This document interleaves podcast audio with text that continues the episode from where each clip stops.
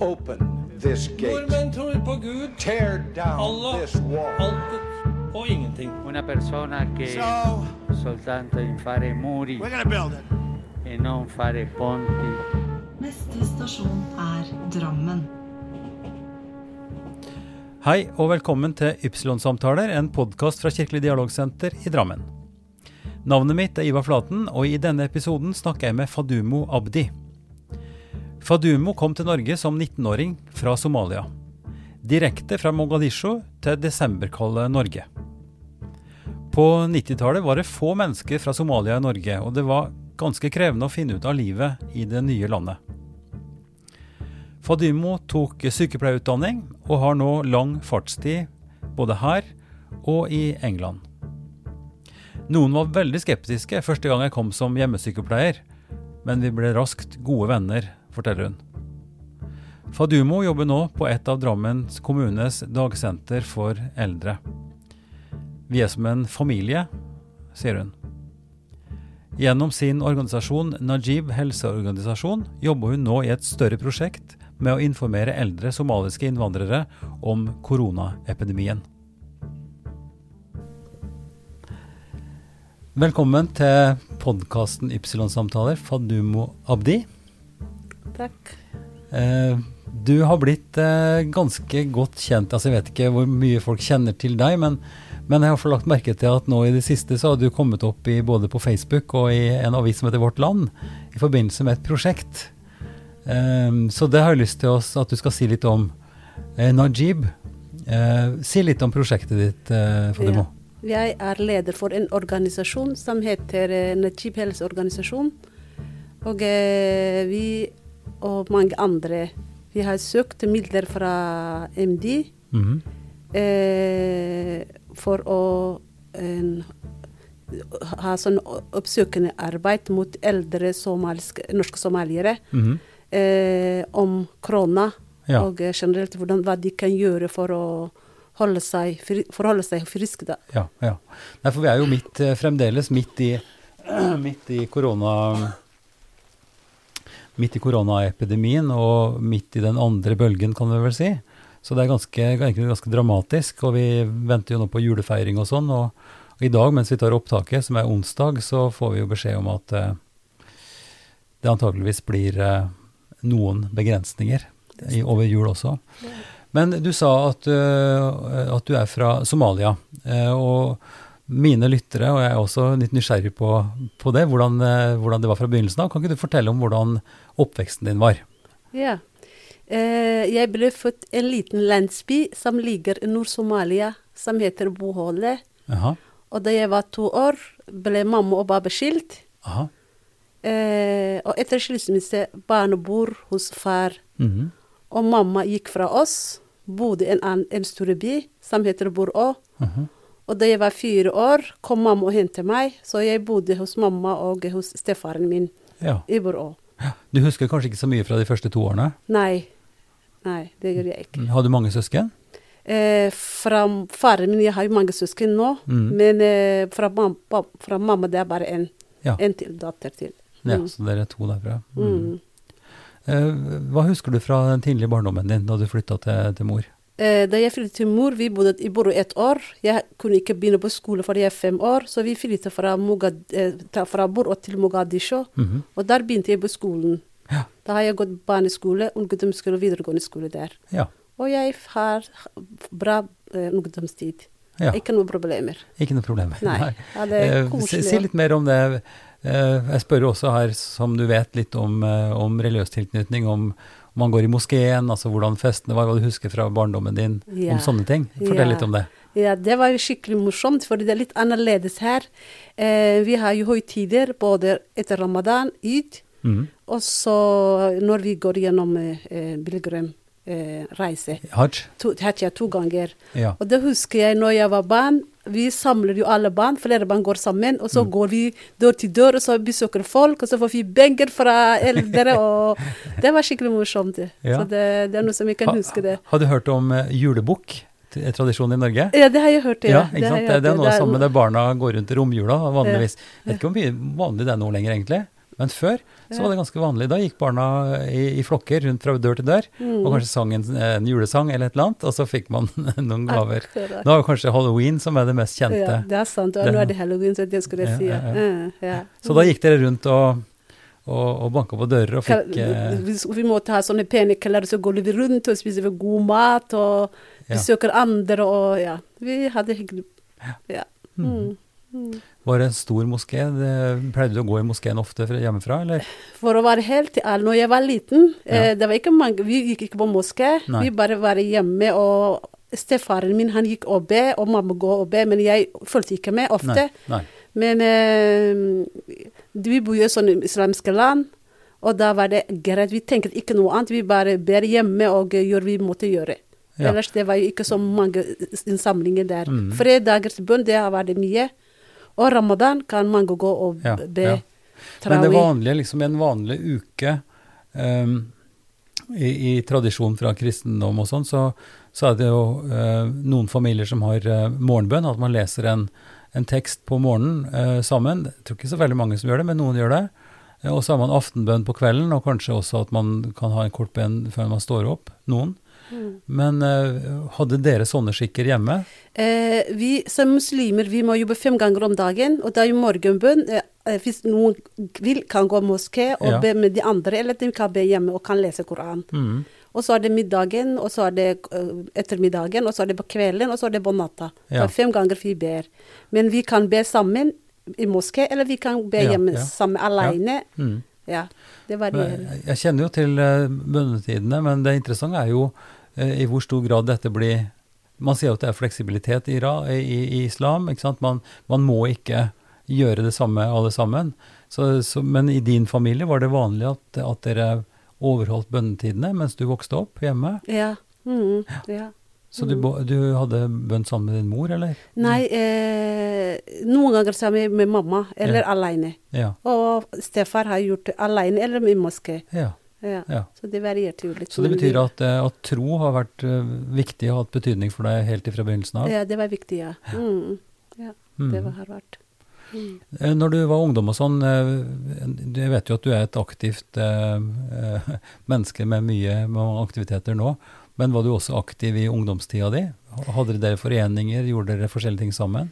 Eh, eh, jeg har, var veldig aktiv. Jeg var flink på skolen, i hvert fall. Mm. Eh, jeg hadde ikke noe aktiv, sånne utenfor aktiviteter, for jentene er jo mye hjemme eller på skolen, Ja. eller på moské for å lære Koran. Mm.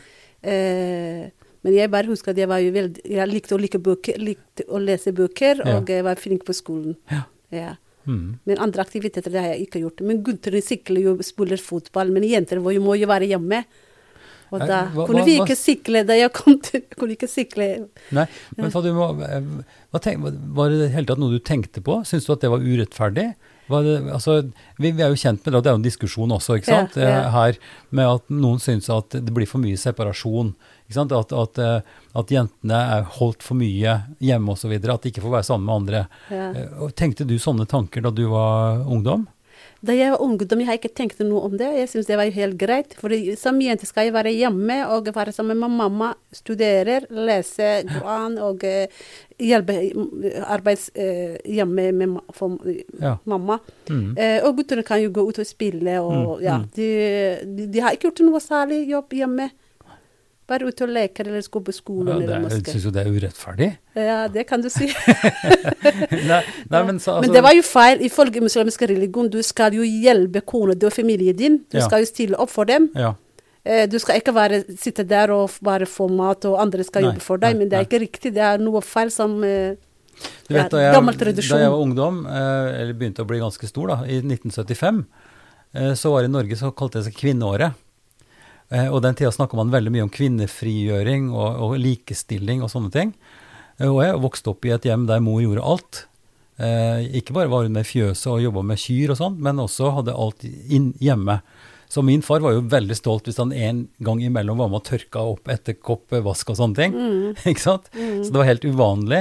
Veldig sånn kvinnebestemt. Men så ble det jo en bevegelse, og det har blitt mer og mer. ikke sant? At, at uh, mann og kvinne blir mer likestilt og er forventa å skulle Altså menn kan jobbe på kjøkkenet, og kvinner har jobber ute osv. Eh, og for min del, da jeg vokste opp, så var jo dette også et poeng sant, i forhold til det med å uh, ja, altså at man skulle være aktiv i samfunnet, og at det var en del av det. Pluss at man var også litt i opposisjon. Det å bli ung betyr jo også at man, man skal bli en egen person, og at man da kan reagere litt på hvor, hvordan foreldre og systemet er. Mhm. Men du, du, var, du, du tenkte ikke sånn? Du, du syntes at dette var helt greit? Jeg synes det var helt greit. Jeg skulle være lydig og høre hva mamma sier. Ja. Flinke jente. Du, Ja. du gjør hva du Og du var flink jente, du bare ikke hørte det, men du, du var faktisk flink jente og gjennomførte det? Ja, det har jeg gjort. Ja, ja, ja men så bra. Ja. Nei, for det er jo, som jeg sa, en, eh, noe som da kan komme som en samfunnskritikk også når man er her i Norge. ikke sant? At det er forventa at man skal være ute i samfunnet, man skal være aktiv ute og, og sånn. Hva tenker du om det nå, her i, i, i Drammen? Ja, det tenker jeg, for å være helt ærlig. Jeg støter den gamle måten, jeg. Du støter den gamle måten? Ja, fordi at nå ser jeg at som damer, vi skapte oss mer jobb. Ja. Vi er, det er vi som gjør mest jobb hjemme, Mm. og vi er ute i arbeidslivet òg. Ja. Da er det dobbeltarbeid for oss. Ja. Mens mann det kan jo komme og hjelpe litt hjemme, det de, gjør, de gjør ikke så masse. Så jeg støtter at hvis pappa eller far kan eh, forsørge familien, da mamma kunne ha vært hjemme og kose seg med venner og bare litt arbeids... kunne jeg tenke meg, men sånn er det ikke. Nei, sånn men det er ønskelig. Ja, nettopp. Ja, Ja, ja. nettopp. Jeg er litt Eh, gammeldags, skjønner du. Men eh, ja, gammeldags eller tradisjonell, det, er jo, det vil jo være noen som tenker det samme. Her Mm. Vi vil ikke si så mye om det, men det er klart for hele det næringslivet og for det som vi kaller velstandsutviklingen i Norge, har jo vært helt avhengig av at begge, altså både mann og kone, jobber ute. Mm. Um, og man kan si mye om det. Jeg har vokst, opp med at mamma var hjemme. Mm. Eh, Det betyr jo ikke at hun ikke jobba, for hun jobba Mm. veldig hardt med alt mulig, med klær, Mm. klær og med mat og ute osv. Men Mm.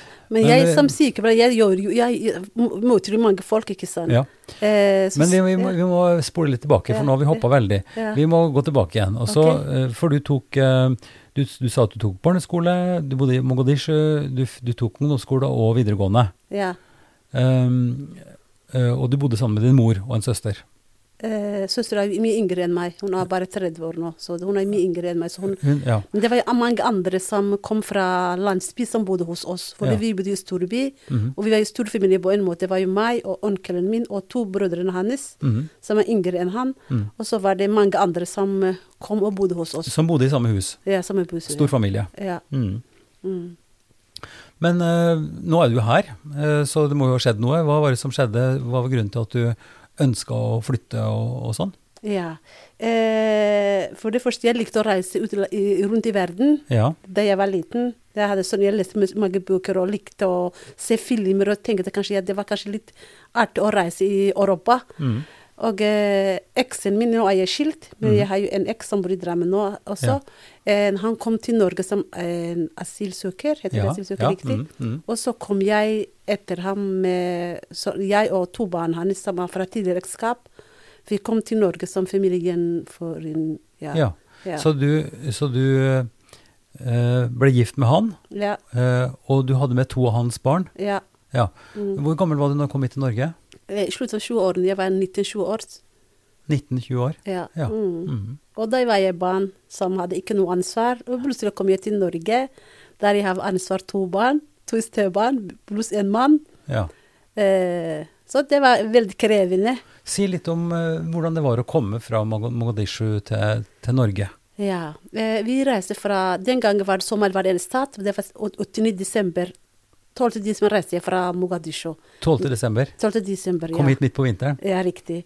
Eh, da reiste jeg fra Mogadishu. Eh, så kom jeg til Egypt. Der var jeg fire dager, og så kom jeg til Norge. Mhm. Fordi jeg, jeg måtte bare eh, ambassaden for å hente fise og kjøpte billett, og så kom vi til Norge. Ja. Og da, den gangen var det Farnebu, flyplassen for Farnebu. Mhm. Og eh, jeg hørte Norge er under Kaland, så kaldt. Det var kaldt, ikke sant. Ja, ja. Og så kjøpte jeg en pen jakke, ja. Og så finne sandaler, og så en kjole, en fin kjole. Og så gutten her, jeg kjøpte vanlige klær til dem òg.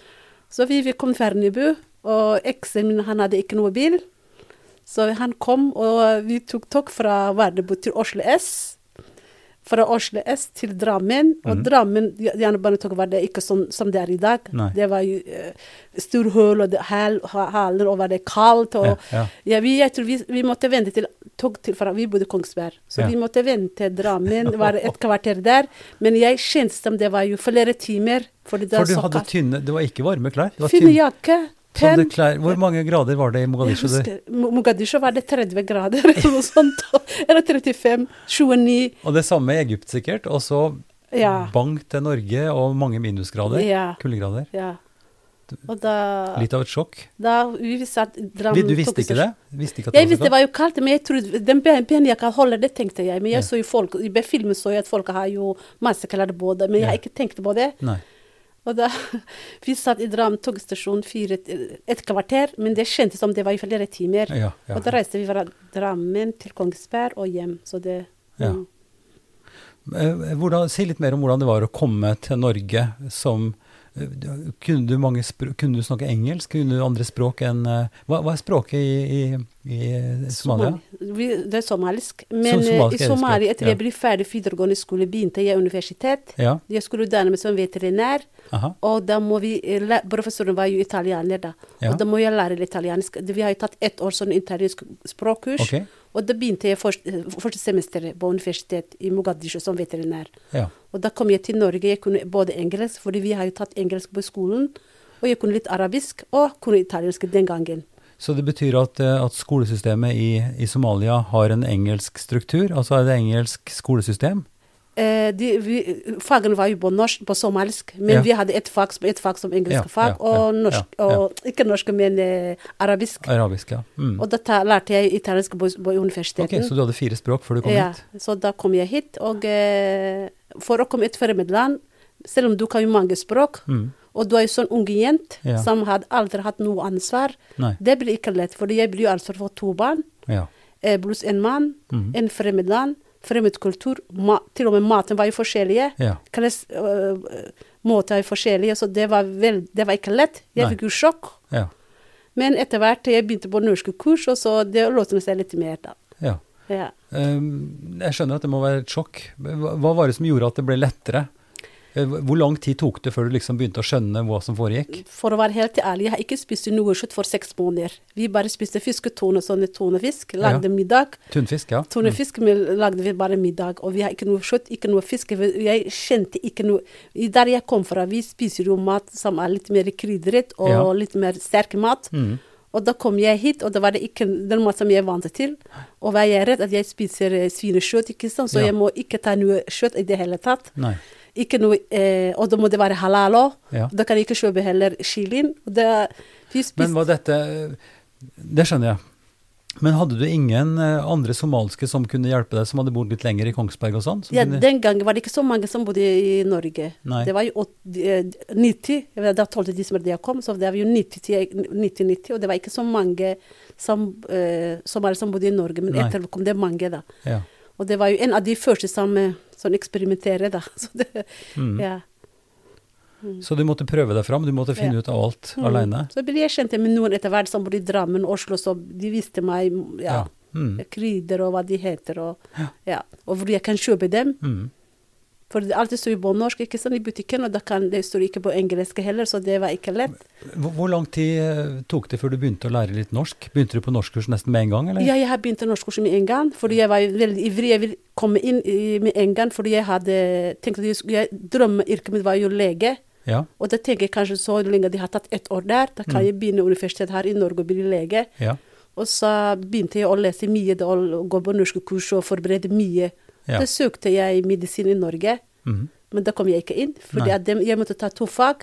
Det er to, høy, høy, høy nivå på engelsk, og noe som heter TOEFL examination, og eh, på norsk bergenstest. ja, bergensteksten. Det, Ja. det, bergenstesten handler om språkkompetanse. Ja, riktig. ja. Det, det høyere nivå for å komme ja. inn høyere utdan- utdannelse. Da. Ja. Og da Jeg trodde jeg kunne engelsk, så jeg har ikke forberedt meg så godt på engelsk.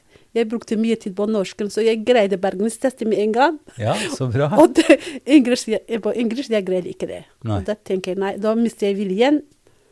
Så flyttet vi til Drammen, og så søkte jeg eh, Nei, jeg ikke søkte, men jeg måtte gå et år sånn am, noe som heter AMO-kurs. AMO-kurs. Ja. Det var jo ett år som kom mange fag sammen, og det var okay. den gangen, da. ja.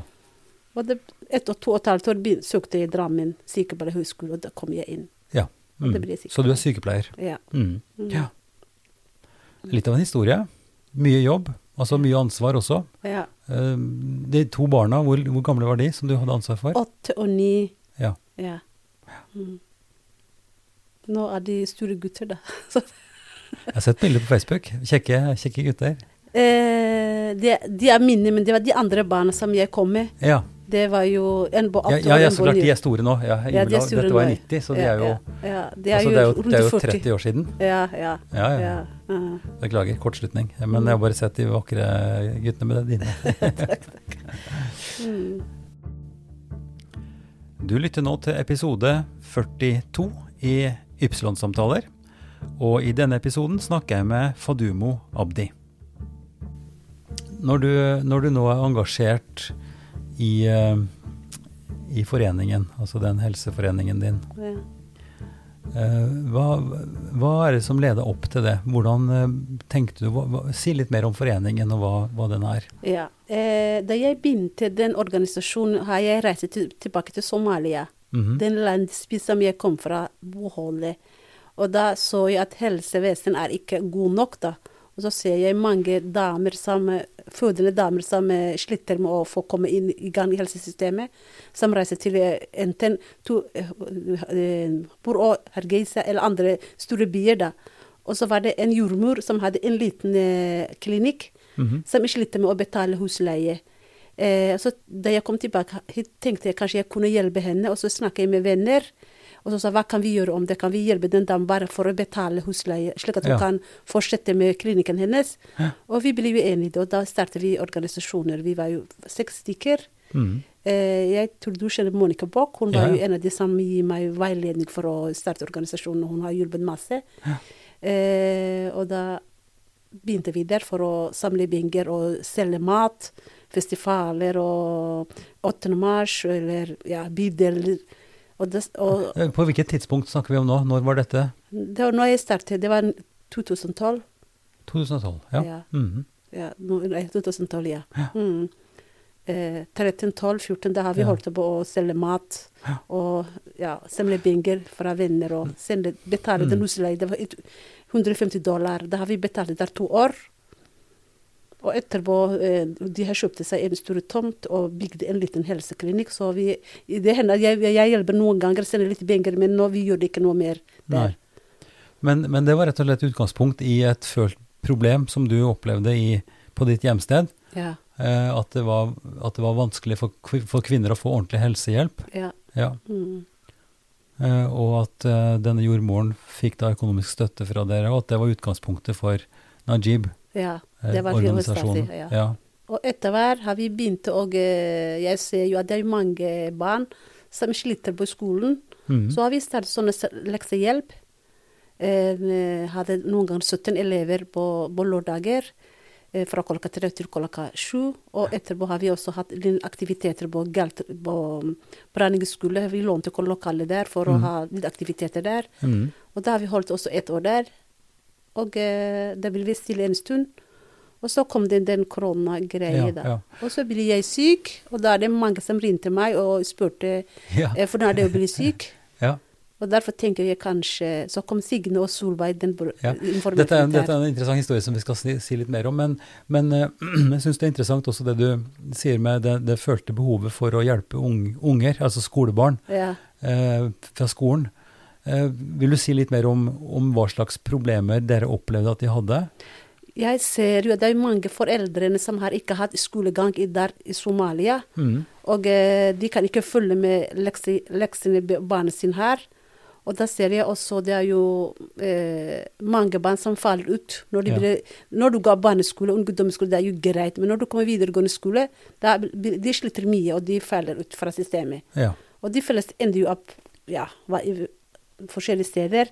Og da tenker jeg kanskje hvis de får litt hjelp når du er i barneskole og ungdomsskole, ja. eh, da kan de kanskje utføre videregående òg, og da kan de kanskje jobbe eller universitet videre. ja. Så vi har jo startet, vi har tre damer som tenker til sammen, og da har vi begynt eh, leksehjelp. Mhm.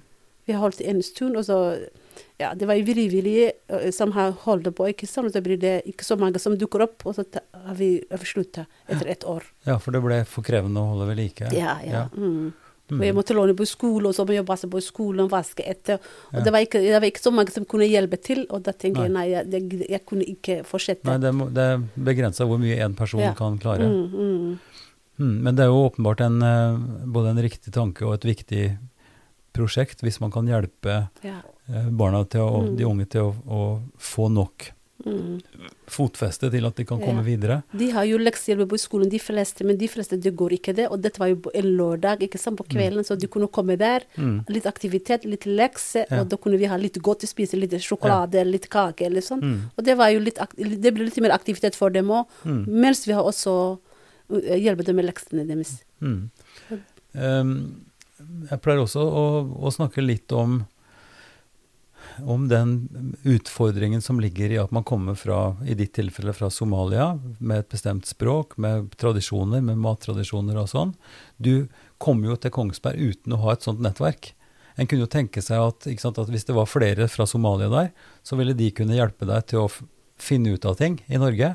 Finne ut av hvordan man skulle få tak i den maten den skulle ha, osv. Og, så videre, og, og lære litt om norske systemer og sånt noe. Eh, Så jeg tenker jo at, at det å ha, en, eh, ha et samhold da, i den, i den befolkninga eller den gruppa man kommer fra, er en veldig stor fordel. Eh, Hva, te, hva har du av erfaring med sånt i, i Drammen? Har dere et somalisk miljø hvor dere som er voksne også kan hjelpe hverandre og snakke sammen og, og, og finne ut av det norske systemet? Eh, den gangen da jeg kom i Norge, det var ikke så mange som eh, bodde i Norge på somalier. Nei. Og da, nå er det mange som bor her, Mm. og eh, til og med staten visste ikke hvordan de kan hjelpe oss, og da vi må finne ut alt selv. Mm. Når det gjelder, jeg husker jeg, jeg visste ikke noe, det fin, jeg visste ikke at det finnes noe som heter ull. Da må jeg ta, bruke mye klær Ja. for å holde meg varm, ikke sant. ja, ja. Men nå er, i Drammen de har jo noe som heter introduksjonssenteret, og det er samfunnslærer. Og da er det noe som er der, somaliere som forteller om hvordan det er å bo i Norge, hva de kan Ja. ha, og hva slags skal lære, mat og alt. Mm. Så de, de som kom senere, og de er mye he heldigere enn oss på en Ja, måte. ja. Introduksjonssenteret er så klart kjempeviktig. Ja, ja. Altså det med Mm. samfunnskunnskap og alle praktiske Ja. ting, å få Mm, hjelp. ja. Men jeg tenker også på, ikke bare på de praktiske tingene, men altså at det kan være interessant å holde språket sitt ved like, ha, om det er lokale skikker, ikke sant? ting som kultur av forskjellige slag, da, og religion ikke minst. Ja. Um, så det finnes jo Jeg kjenner i hvert fall godt til en stor, en stor somalisk moské, ja, det er eh, det som er like borte ved Strømsgodset der. Riktig, riktig, ja. ja. Um, er det også et miljø hvor, hvor sånne samtaler og sånn type hjelp skjer? Eller? Ja, det gjør det, men akkurat nå det er jo er stengt. ikke Ja, det vet jeg. Før var det er hver fredag og hver fredag, lørdag og fredag. Det er mange som er der. Mm. Torsdager og fredager var det mange som var der. En Etter um, fredagsbønn da er det mat, Mhm. og alle kunne jo snakke hverandre og litt sosialt. Og hvis noen trenger hjelp, Ja. ja, kunne hjelpe hverandre og ja. ja. Nei, for det, det er kanskje noe som, eh, som en ikke tenker så mye over. Altså jeg For min del jeg har jo erfaring fra Fjell kirke, hvor eh, kirkekaffen, som vi kaller det, altså når vi har gudstjeneste en time kanskje fra 11 til 12, så sitter vi jo etterpå og prater sammen. eh, Og, og hvor praten går om alle mulige ting Mm. rundt bordet. Eh, Og det er nok et aspekt som kanskje ikke alle tenker over, er veldig viktig. Når man tenker på religiøs virksomhet, så er det tenkt på at det er gudstjeneste, det er bønn, det, det, ikke sant? det er de Mm. religiøse ja. tingene. Mm. Men det er jo i like stor grad faktisk et sosialt nettverk, og, riktig. Ja. og at man kan hjelpe hverandre. Mm, det Eh, og og det, det foregår jo så klart i moskeen også, Ja, og, det, det og det er du vant med. Og Mm, i vanlige tider så skjer det. Ja, Mm. riktig, riktig, ja. Eh, eh, Er det også da vanlig at eh, når man, man, man går til moskeen i vanlige tider, at man går både kvinner og menn? Eh, Det er, delt også i den somaliske moskeen, ikke sant? Ja, riktig, ja. Mm, mm, det er Så- det. Med et eget galleri eller med et eget rom, eller hvordan løser dere Det er det? jo store, er jo store eh, lokaler, da. Ja. Det er en stor lokale for, for menn, eh, to store lokaler for damer, og en st stor lokale som man kan bruke hva de ønsker. ja. Ja. Og ja, så Man går jo ned og ber, og damene går jo opp og ber, men de kan jo be sammen, da, gjennom eh, ja, ja. ja, høyttaler. For du har høyttalersystem, så dere kan høre ja. hverandre. Mm, mm. Mm. Eh, Hvor mye kontakt har du med, med Somalia nå, det som skjer eh, i Somalia nå for tiden? Eh, jeg har jo familie som bor der. Ja. Eh, jeg kom jo fra Nord-Somalia, Somaliland, og da er det ikke Det er stabilt der. Mm. Men hovedstaden Mogadishu, det er jo mye kaos. Og eh, ja, det, det skjer jo ofte noe som bomber som eksploderer og dreper. Var det den uka her som åtte gutter, velutdannet, og som ble drept gjennom eh, bomber. Mm. Og det er jo Ja, det er jo ille. Det er jo ille. Ja. Vi håpet at det nå, Vi har jo fått en ny president og Mm. ny statsminister, så vi har jo håpet at situasjonen skulle forbedre seg. Men det er jo Al Shabaab som eh, ja, skaper en del problemer for, sine, Mm. for å få sine egne mål. Mm. Ja. Mm. Det, det er trist. Men reiser du regelmessig tilbake, eller er det lenge siden du har vært der? Nå er det tre år siden jeg har vært der. Jeg reiste en, noen ganger, men ikke ja, tre år siden har jeg reist. Mm. Mm. Ok, men, eh, men la oss si litt mer om, eh, om eh, det som, som skjedde deg. Fordi du har jobba i helsevesenet nå i, i mange år, ikke sant? Ja. Si litt om den jobben der du har hatt der. Eh, da jeg ble ferdig på skolen, det var jo 1996, så begynte jeg å jobbe Fjell sykehjem. Mm. Den gangen både sykehjem, hjemmesykepleier og sykehjemmet, de, vi var jo samme, Mm. som ett. Og Mm. når vi kom på jobben på dagen, da kunne vi fordele oss. Noen kan gå ut, og noen kan være inne. Og der Mm. har jeg jobbet mange år. Og så mm, har jeg flyttet fra Norge til Storbritannia. Og der bodde jeg ti år. I, I ti år. I ti år? Ja. Jaha. Eh, og da første tre-fire år har jeg ikke jobbet, jeg var jo hjemme fordi jeg fikk en barn, Ja. et barn, og da var jeg hjemme værende. Og da etterpå tenkte jeg skulle gå tilbake på jobb, men for å jobbe som sykepleier, da må jeg aktivere min BIN-nummer. Din BIN, PIN-nummer. Ja. Ja, og da måtte jeg gå noe som heter return to praxis. Eh, da begynte jeg universitetet tre måneder. Eh, så fikk jeg godkjent, og da begynte jeg å jobbe hjemmesykepleier og på sykehjem eh, I England? i England. Ja. Ja. Mm. Eh, Det, det er ganske interessant, fordi jeg har gode kontakter i Midt-England. eh, I Leicester. ja. Eh, og, og det interessante der, og dette er ganske lenge siden, dette må ha vært i kanskje i 2008 eller noe sånt nå, så var vi på besøk med kommunen. Jeg hadde med både ordfører og, og flere på besøk for å se på hvordan de jobba med, med dialogarbeid. Mm. Og det interessante da var jo at der var det tror jeg, flere somaliske eh, som, som hadde kommet fra Norge, fra Norden, Yeah. som hadde flyttet til England fordi det var enklere å etablere seg med, yeah. med, med virksomhet. Yeah. Fordi at det er så veldig mange regler hos oss. Ikke sant? Godkjennelser og papirer og. Og, og mange sånne ting. Mens de eh, i England så er det litt lettere, i hvert fall bare da den gangen. Yeah. Slik at der så de ganske mange som har kommet til Norge, har bodd i Norge en stund, men som flytta til, til England. Mm. Eh, hva var grunnen til at, at du flytta dit? Var det noe av det samme, eller? Eh, jeg, det var ikke, jeg hadde veldig bra i, i Norge. Mm. Jeg bodde på Fjell, hadde Ja. en leilighet på 25 blokker der. Ja, Jeg har jobbet Fjell sykehjem. Jeg hadde Fjell skole. Barna har jo gått på barnehage der. Ja. Og alt, alt var jo lokalt for meg, og jeg hadde veldig bra liv der ja. i, i Norge. Mm. Men eksen min var veldig glad å reise dit. Han hadde å bo der, han hadde familie der. Ja, Så han oppmuntret meg til å bli med han da. ja. Og vi har jo flyttet dit på grunn av han. Ja, jeg skjønner. Ja, ja, men man, skal, man må finne ut av sånne ting som familie. Men hvor i England var det du bodde da? Eh, vi bodde syv år i Milton Keynes. Milton Keynes det er jo 25 minutter fra London. Ja. Og så to år bodde jeg i Birmingham. Birmingham, ja. Birmingham. Ja. Mhm, mhm. Det var fint å bo der? ja, det var jo fint å bo der, men jeg likte ikke det. Så kom jeg tilbake til Norge. det Ja. var mye, mye, mye roligere å bo her, og litt mer systematisk her, men jeg likte ikke der. Nei. Så flyttet jeg tilbake til Norge. Mm. Men det er jo vi glad for, at du, at du fant ut av det. Ja. Ja, for, og når du da kom tilbake til Norge, så fortsatte du i, i sykepleien? Ja, da jeg kom til Norge, eh, med en gang besøkte jeg på sykehjem. Hvilket år snakker vi om da igjen? Det var jo juli 2011. Ja. mhm. Så besøkte jeg eh, på Fjell.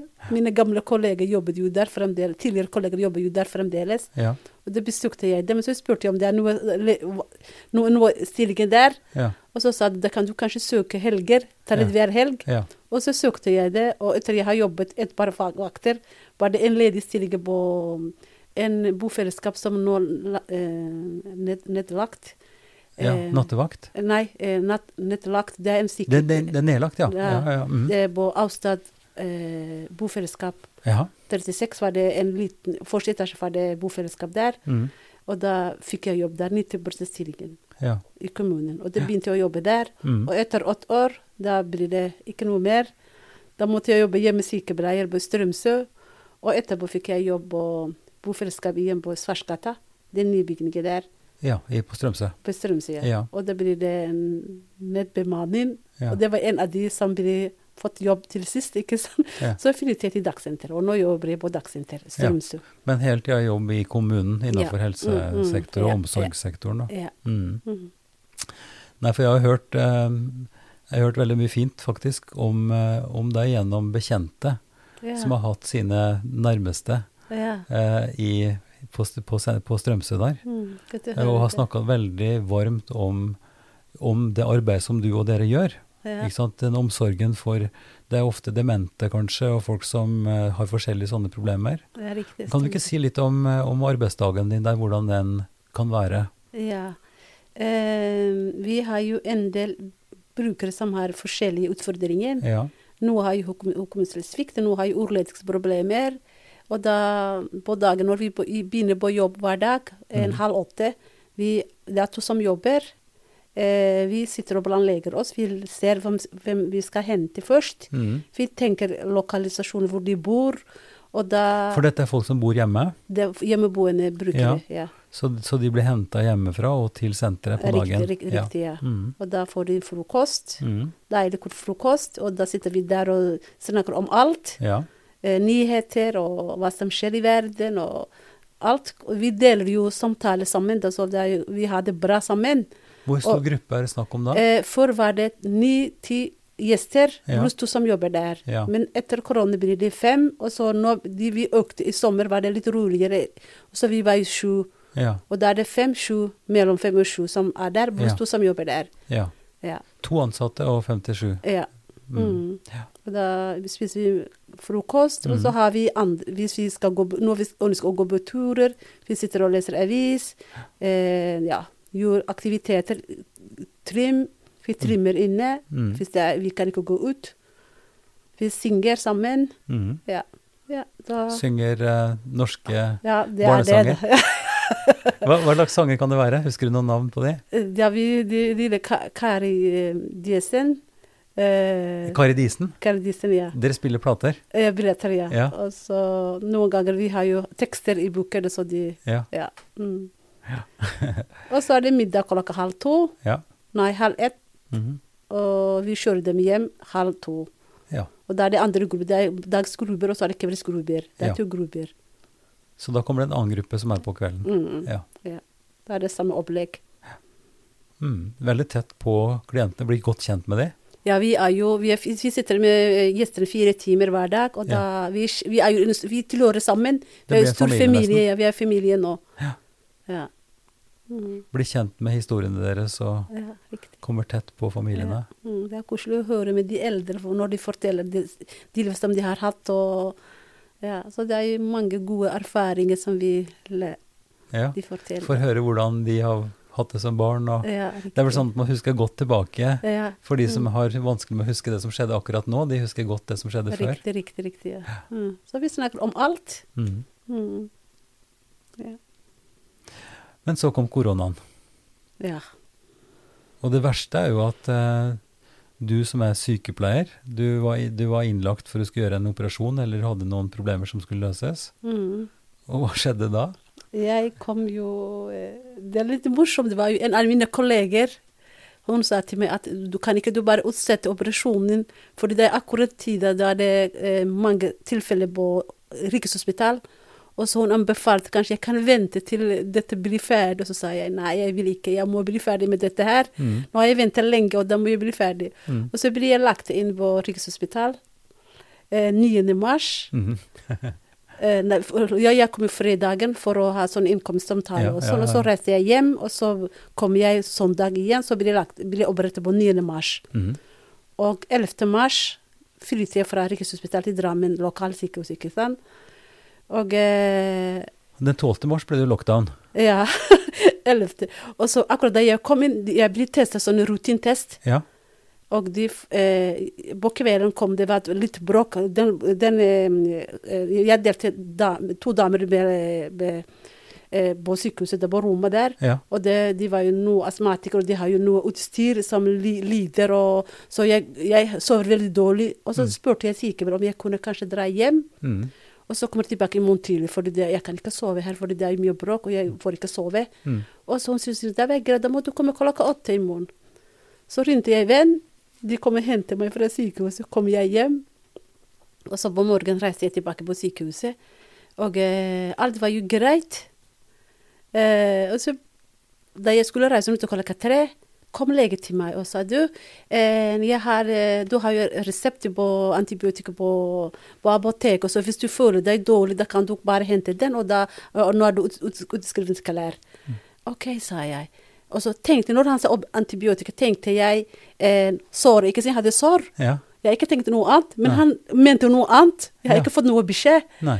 Og så kom en sykepleier og sa til meg, du, eh, her er det munnbind, den må du bruke. Og så sa jeg, skal jeg bruke munnbind? Ja, hvorfor skal jeg bruke det? Fordi du er syk. Er jeg syk? ja, du er syk. Nei, jeg er ikke syk. Jo da. Du må bruke munnbind. Nå tuller du med meg, sa jeg. Skjønte ikke det. Du er jo positiv. Du har jo tatt koronatest, og da er du positiv. Da må du bruke munnbind. Ingen har sagt det til deg? Ingen har sagt til meg. Og jeg blir sjokk, ikke sant? Nyoperert. To dager siden ble jeg operert. Og nå er jeg kronisk smittet. Du lytter nå til episode 42 i Ypsilon-samtaler. Og i denne episoden snakker jeg med Fadumo Abdi. Så du ble smittet på Rikshospitalet eller på Drammen? Jeg, vet ikke. Jeg, det må være Rikshospitalet, for jeg kom jo Jeg ja, visst, visst. Ja, 11., ja, ja. ikke sant? Så 12. var det som kom. Så du kom fra Rikshospitalet med smitte, du? Ja, ja. Det var det. Og så etter jeg ble, det var jo på en måte bra at jeg ble testet, selv om jeg hadde ikke noen symptomer. Det var rutintest, ikke sant? ja, ja. Og det som var bra, som jeg likte at de gjorde, det var jo at jeg, eh, jeg har jo mange venner Mm. og familier som kunne komme til meg, så jeg kunne smitte til dem. ja. Men etter de har fått beskjed at jeg er syk, det er mange som ringer og spør eh, Så, men, men Si litt om hvordan Da du kom hjem, så måtte du sitte isolert hjemme, da? Ja, vi har jo tre soverom, så Ja. måtte jeg bare bytte mitt rom. Og eh, barna lagde mat. Datteren Ja. var jo hjemme nå den gangen. Hun, hun studerer i utlandet, men hun var jo hjemme. Mm. Og, eh, og guttene, og da må de lage mat til meg. Og eh, hvis jeg går på toalettet, må jeg gå på toalettet, så vasker jeg godt. Ja. Og desinfiserer den, og så går jeg på rommet mitt. Ja. Jeg hadde TV på rommet mitt, og jeg var litt, litt konge på en måte da. At jeg sitter bare i rommet og ser på. Du fikk fullt stell. De, måtte, de måtte hjelpe mor med alt. Ja, ikke sant? Ja, det eneste jeg måtte passe på, at jeg, når jeg bruker på toalettet, at jeg må vaske den godt og desinfisere. Og ellers jeg var i rommet mitt. Ja. Ja. Og brukte munnbind. Ingen, ja, ingen som ble smittet. nei, Og alt var jo bra. Og det var jo mange venner som lurte på Ja, hvordan ja. det å bli syk. så klart. Symptomene, hva, Ja. jeg, hva har jeg gjort? Ja. For den greide jeg ikke smittet til familien min. Mm. Og da, derfor tenker jeg kanskje det var jo greit at jeg kunne hjelpe andre òg, da. Dette er jo, det er jo ganske spesielt, da, fordi eh, både historien at du faktisk ble, ble smitta på sykehuset, men også, som vi vet, så har det vært ganske mye styr.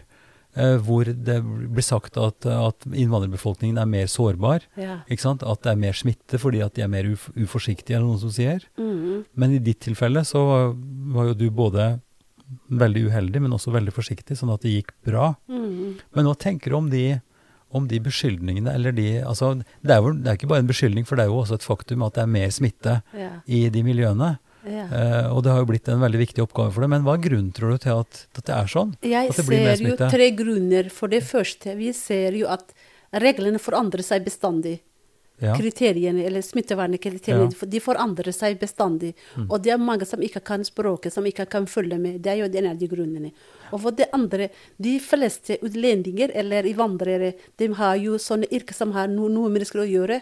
De har jo rengjøringen, de har jo sykehus, sy sykepleiere, hjemmesykepleiere, sykehjemme, en bussjåfører, drosjesjåfører. De har jo kontakt med mennesker. Ja, ja. Og det er jo grunnen at de flere blir smittet. Og De blir mer eksponert. Ja. mm. Og det, det tredje tenker jeg også De bor jo Det er en familie som er, familie er jo fem, Det består av fem-seks personer. Mm. Og når en blir syk, de bor jo tett. Mm. Og de blir smittet til alle andre.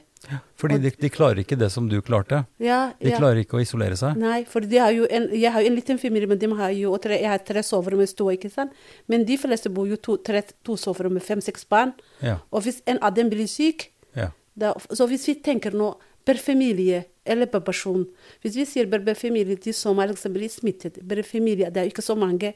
Men per person, en familie består av fem eller seks barn, Mhm. og det blir det mangtall blir stor. Ja. Så det tror jeg det er det grunnen. Ja.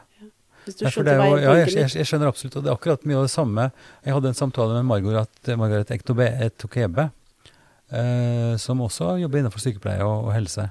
Og hun gjorde jo akkurat de samme vurderingene som du på dette. Mm. Altså at det har med, med familiestørrelse, tett, at, at man ikke kan dra ut på hytta eller isolere seg. Man er nødt til å være i nærheten, at man har jobber som har med mennesker å gjøre. Eh, og, og sikkert også det med, med språk og usikkerhet. Mm. Eh, altså at, at det har vært krevende å, å få ut informasjonen. Eh, og, og det er jo krevende for alle. Hvis du går inn på, på helse, altså sidene der de skal informere, så er det jo veldig mange Du må klikke mange steder, og det, ja, det er vanskelig å finne fram. da. Mm. Og dette har jo du gjort i etterkant av den at du, når du ble frisk igjen, så har du og, og, og flere andre da gjort en, en kjempeinnsats for å løse. Hva, hva tenkte du, og hvordan, eh, hvordan hadde du planlagt og gjennomført dette? Eh, vi var jo 15 frivillige til sammen. Eh, som vi satt jo og bestemte oss hvor kan vi dra. Og så har vi jo De, de 15 frivillige, var det du som organiserte det? Var det du som samla det, eller hvordan skjedde eh, det? Jeg hadde seks med, fra- fra min organisasjon, og så var det Somaliske foreningen i Drammen, og så var det Masjid Abubakar Siddiq. Si en gang til. Masjid Ab- mas, på moské. Ja, Masjid, moské, ja. ja Masjid Abubakar Siddiq eh, på moské i Drammen. Ja. Somaliske moské. Og så Somaliske forening, som eh, hadde også sine frivillige. Ja. Så til sammen vi var jo 15 stykker. Ja. Mm. Og da har vi hatt sånne to eh, dager med omskolering, eller skole, undervisning. Okay. At vi diskuterte om hva vi trenger å vite først. Ja. Vi må jo, de må jo ha noe kunnskap. ja. Var Hvem, var det som ga den undervisningen? Solveig eh, Midtvedt. Solveig Midtvedt. Ja. Og hun Fra jobber på sykehuset, ikke På sant? sykehus, ja. Ja. Mm. Vi, vi må ta en parentes der. ja. For dette syns jeg er morsomt. For du traff jo Solveig på et gjestebud. Det stemmer. Ja, Et gjestebud for ja, ganske mange år siden. ja riktig. Som, og det var jo Monica Buch som, som tok det med. Hun satt i styret en gang. Ja, Ja, riktig, riktig. jeg har hatt ansvar for dette i mange, mange Ja, år, men riktig, hun var med i riktig. styret da. Ja. Så hun tok med deg, Mm, og du satt der, og du kom på samme bord som Solveig. det stemmer. Og dere har blitt venner etterpå. Ja. Mm. Det jeg tror det var 2011 eller 2012. Ja. Nei, 2012 eller 2013 var det. ja. Det ganske, Ganske kort tid etter at du kom tilbake fra Ja, England. ja. Ja. Mm. Og så ble jeg kjent til Signe gjennom Solveig. Ja. Og vi var jo naboer da en gang. ja. Ja. ja, for du bodde i samme blokka som Signe. ja, stemmer ja. Signe. Myklebust, min kollega. Ja. Ok, men eh, så dere 15 frivillige, dere satt, eh, og Solveig ga dere noen, eh, noe informasjon, kunnskap. faglig kunnskap om hva dette var, og hvordan man kunne jobbe. Det stemmer. Og hva skjedde videre da? Og så har vi diskutert det. det var jo en, jeg, vi var to stykker som ble smittet på den gruppen der. Jeg som har ikke hatt noen symptomer, og en som, har veldig, en som ble veldig syk. Mhm, Har tunge busten og ble lagt inn på sykehuset. Ja, Og da vi har jo erfaringsutvekslinger at noen kan ha det, og noen kan ha det. ja, Og det var jo positivt. Mm. Utvekslinger. Og så vi har planlagt hvor kan vi dra. ja. Så vi, det var i Drammen, Lier, Asker og Bærum. Vi fordelte oss etter vi, hvor vi kjente.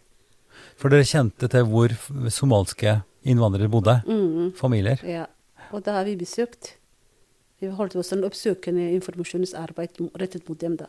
Ja. Så vi måtte besøke dem og gi dem eh, Dette var før sommeren, eller var det Ja, nå etter? Eh, midt sommeren, når det var juli, Ja. august og september var det rolige tid. Og da var det vi besøkte folk. Ja. Og etter andre bølgen eh, Vi kunne ikke besøke folk, men vi, har, vi må jo ta vite hvordan vi jobber. Vi ringte og, og, og ha, eh, fulgte dem hvordan de har det. Ja. Og det var jo en del som eh, ble smittet, Ja. og da har vi handlet for dem.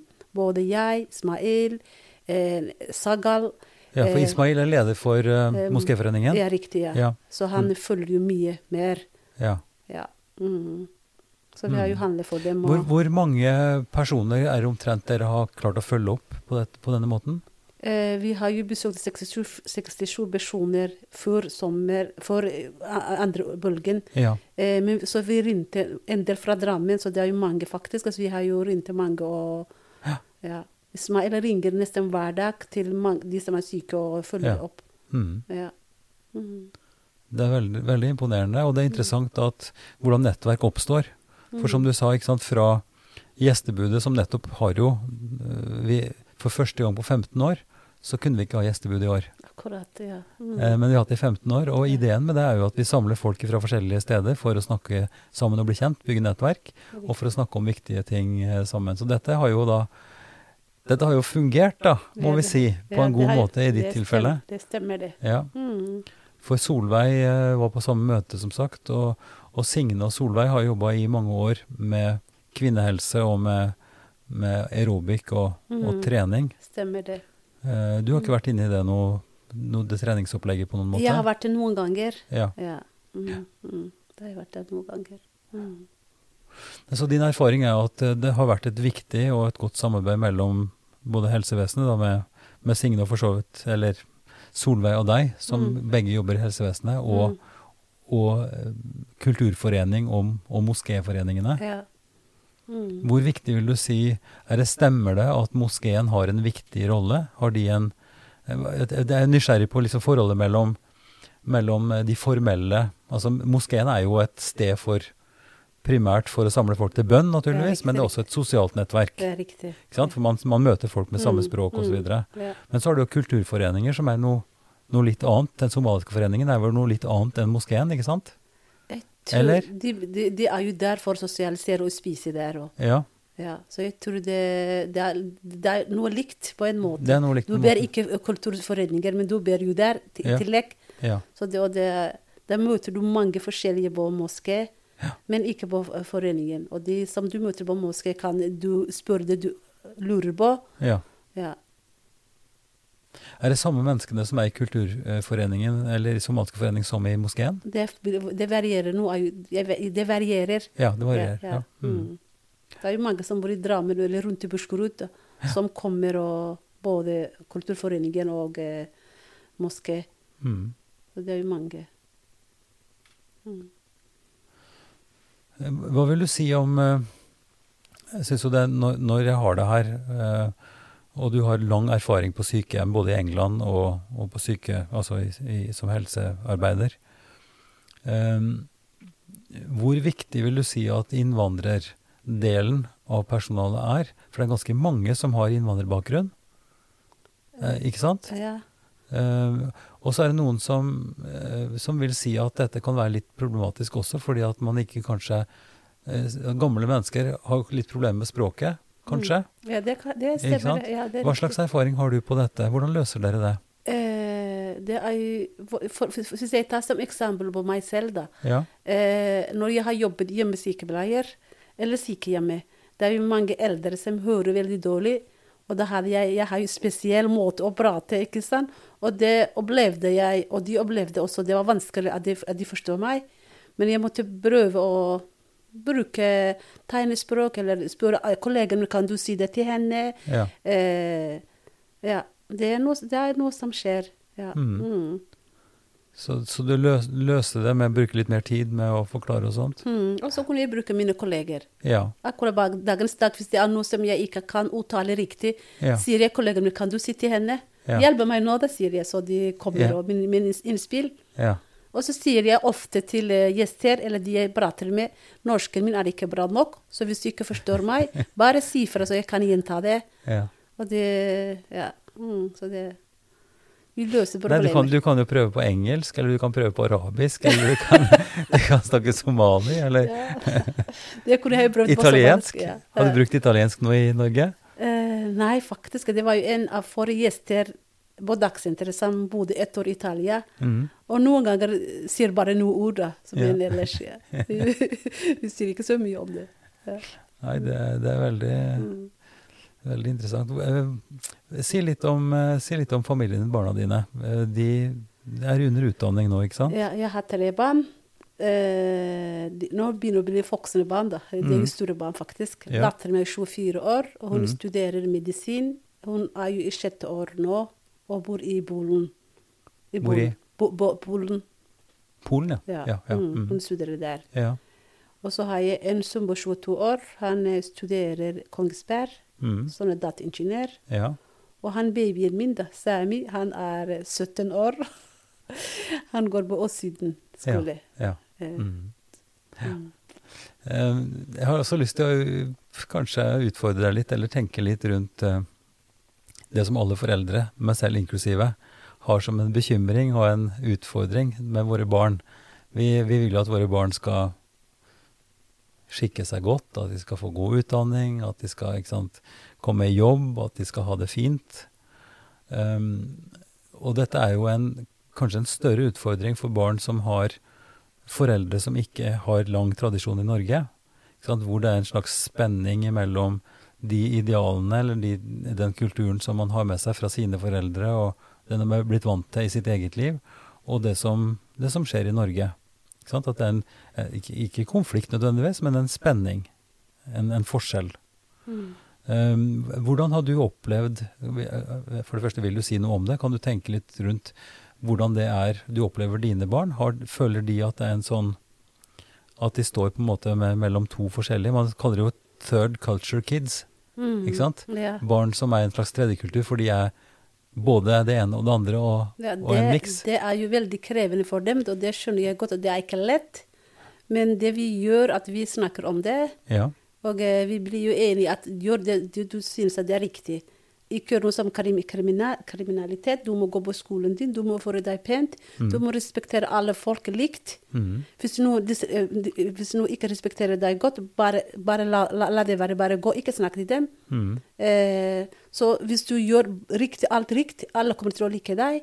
Og da må du bare føre deg pent, og så må du studere. Mhm. Og det eneste jeg sier dere må be, det sier jeg til ungene mine. Ja. Men noen gjør det, og noen gjør ikke det. Mm. Men det, nå er de voksne, så jeg kan ikke tvinge dem. Nei. Så jeg må jo respektere deres vilje. Ja. Selv om jeg liker at de skal be, jeg ber jo fem dager om dagen når jeg kan, Ja. hvis jeg ikke er på jobb. Mm. For det, når du er på jobb, det blir ikke lett. Nei. Men ellers, jeg ber, og jeg Mm. ønsker at de skal også be. Mm. Eh, men det jeg sier til dem, at du må være, dere må være flinke på skolen, dere må jobbe hardt. Og det vi diskuterer ofte, at det må du gjøre. Men nå er det voksne, så jeg slipper den biten. Mm. Ja. Jeg, jeg kjenner det veldig igjen. Mm. Ikke sant? Det, det her er jo ikke riktig eller galt, men det er, en, det er en opplevelse av at når barn begynner å bli store og voksne, så må de finne sin egen vei. Ja, riktig. Ja. Sånn er det alltid. Mm. Sant? For de er ansvarlig for sitt eget liv, og da er det spørsmål for oss som foreldre Ja. om vi har klart å gi dem et grunnlag Mm. og en trygghet, slik at de kan leve sitt eget liv. Riktig. Og så har vi idealer, og vi har vår måte å leve på som vi skulle ønske. Mm. Eh, men det viktigste er jo at vi har en relasjon, at vi har et kontakt og kan støtte dem og hjelpe dem på den veien som de, de vil gå. Mm. Eh, for tvang er jo det, det fører jo veldig sjelden fram. Å bruke makt og bruke, bruke tvang eh, Mm. blir jo veldig vanskelig for alle. Det stemmer, det. Mm. Jeg er jo imot alle slags vold og kriminalitet. Og jeg liker at uh, jeg behandler alle, alle med respekt, og jeg ønsker at alle behandler meg med respekt. Mm. Mm. Har, har du opplevd for din egen del eh, diskriminering eller negativ respons fordi at du går med sjal i jobben din eller på annen måte? Har det vært et problem? Eh, når det gjelder kolleger, eh, det kan hende at det ikke med sjal, men ellers generelt. Det kan hende at ikke noe med tidligere jobber som jeg har hatt, at jeg opplevde noen ganger at jeg blir diskriminert, eller jeg ikke blir hørt, eller ikke blir sin, eh, sett Mm. som sykepleier. Eh, men ellers, når jeg besøker gjestene, da Første gang jeg opplevde at de ble skeptiske mm. om meg for det utseendet min, eh, måte jeg kler på. Mm. Men etter hvert, når vi blir kjent, Mm. det løsner seg at vi blir jo på en måte greit. Ja. Jeg opplevde at noen eh, pasienter vil ikke ha meg hjemme. Ja. Eh, nå har jaget meg ut. Ja. Noen mente at jeg har tatt jobben fra andre jent, norske jenter. ja. Eh, noen mente at jeg er, kom hit for å eh, misbruke samfunnet, eller eh, ja. gjøre gjør oss andre til muslimer? Ja, ja, ja. Litt sånn. Men eh, ofte det Jeg er tålmodig, og jeg hører hva folk sier, og jeg forstår at te- Det var en gang, jeg husker jo bare en gang at Jeg vet ikke om de har tid til å si det. Jo, jo. Det var jo en gang da jeg begynte å jobbe hjemmesykepleier, det var jo 1997. Mhm. Begynte jeg å jobbe hjemmesykepleier på Fjell. Og det var en av de blokkene. Jeg besøkte en dame, en eldre dame da. Den gangen vi hadde nøkler, masse nøkler, ha- ta, ta fra, masse nøkler fra basen. Mm. Og så jeg løste meg inn og ringte på og sa ja, hei, god morgen, det er fra hjemmesykepleier. Og så var det litt eldre dame, og så hun så meg som litt, litt sjokk. Ja, men hei, sa jeg, fra hjemmesykepleier, jeg heter, jeg skulle hilse på henne da. Og så sier hun ja, men her Kanskje ikke. Jo, kom igjen. Eh, Her eh, begynte å ansette negere. ja. Og det ordet negere, vi hater jo det. Det, vi, det forbindes med slaver. ja. Og da Jeg var jo ung den gangen, dette Ja. var jo 23 år siden. Jeg ble veldig sinna, og så tenker jeg nå du må føre det som profesjonell, ikke, ikke vise sinne. Og så sa jeg ja, de har jo begynt, men jeg er her for å bytte kateteren din. Kan jeg gjøre det? Og så sa hun ja, kan du dette her, da? Og så ja, det kan jeg. Jeg har gått tre år på, høy, på høyskole for å lære dette her. Ja. Da kan jeg gjøre det. Ja, det er greit. Så det har jeg gjort. Og etter hvert, etter en stund, den damen, vi blir jo gode venner. Og hun var veldig glad i meg. Og nå jeg, den dagen som jeg jeg flyttet fra Norge til Storbritannia, hun bare gråt faktisk. Og da husker jeg det, det har noe med frykt å gjøre, med Ja, fremmedfrykt. ja, ja. Hvis du ikke kjenner, da bedømmer du ut fra utseendet, eller du tenker kanskje dette er kriminelt, dette er bare utnytter andre. Men ja. Det er et godt eksempel, det er et godt eksempel, og et trist eksempel for så vidt. Men det er jo veldig deilig da, mm. at man får den kontakten og blir bekjent, Ja. og så blir det sterke bånd. Akkurat. Og etterpå et, nå, Hvis jeg tenker tilbake nå, da jeg kunne, jeg, Den damen hun var jo redd. Hun har jo, jeg kom hos hennes, en fremmed dame eh, med ut, an, en annen utseende. Og hun, hun, jeg skjønner hun blir jo redd, da. Men den gangen ville jeg sinna. Så det, etter erfaring skjønner du dette. Dette er jo noe som forandrer Vi, vi, forandrer oss hele tida. Ja, ja, ja. Ja. du må timen har gått. Jeg ser nå på, på eh, klokka her at vi har holdt på en time, og den har gått fort. Det har vært veldig interessant og hyggelig å snakke med deg. Så jeg vil ønske deg lykke til både i arbeidet med, med Najib, helseorganisasjonen din, jobben din og familien, og ønsker deg en, en god adventstid videre. Takk skal du ha. I like måte, Ivar. Det var hyggelig å prate med deg òg. Takk for at du bruker tid på Ypsilon-samtalene. Hvis du liker denne episoden, kanskje du liker også andre som du vil finne mer informasjon om på www.ypsilonsamtaler.no. Der vil du finne en kort presentasjon av alle St. Party-partnere så langt, og lenke til episodene. Du må gjerne abonnere på Ypsilon-samtaler i din favorittpodkast-app. Og så er vi veldig glad for tilbakemelding og forslag som du kan sende til Ivar, krøllalfa, kirkeligdialogsenter.no. Podkasten er støtta av Drammen kommune, Barne- og familiedepartementet og Einar Juels legat. Ansvarlig utgiver er Kirkelig dialogsenter Drammen ved daglig leder Ivar Flaten.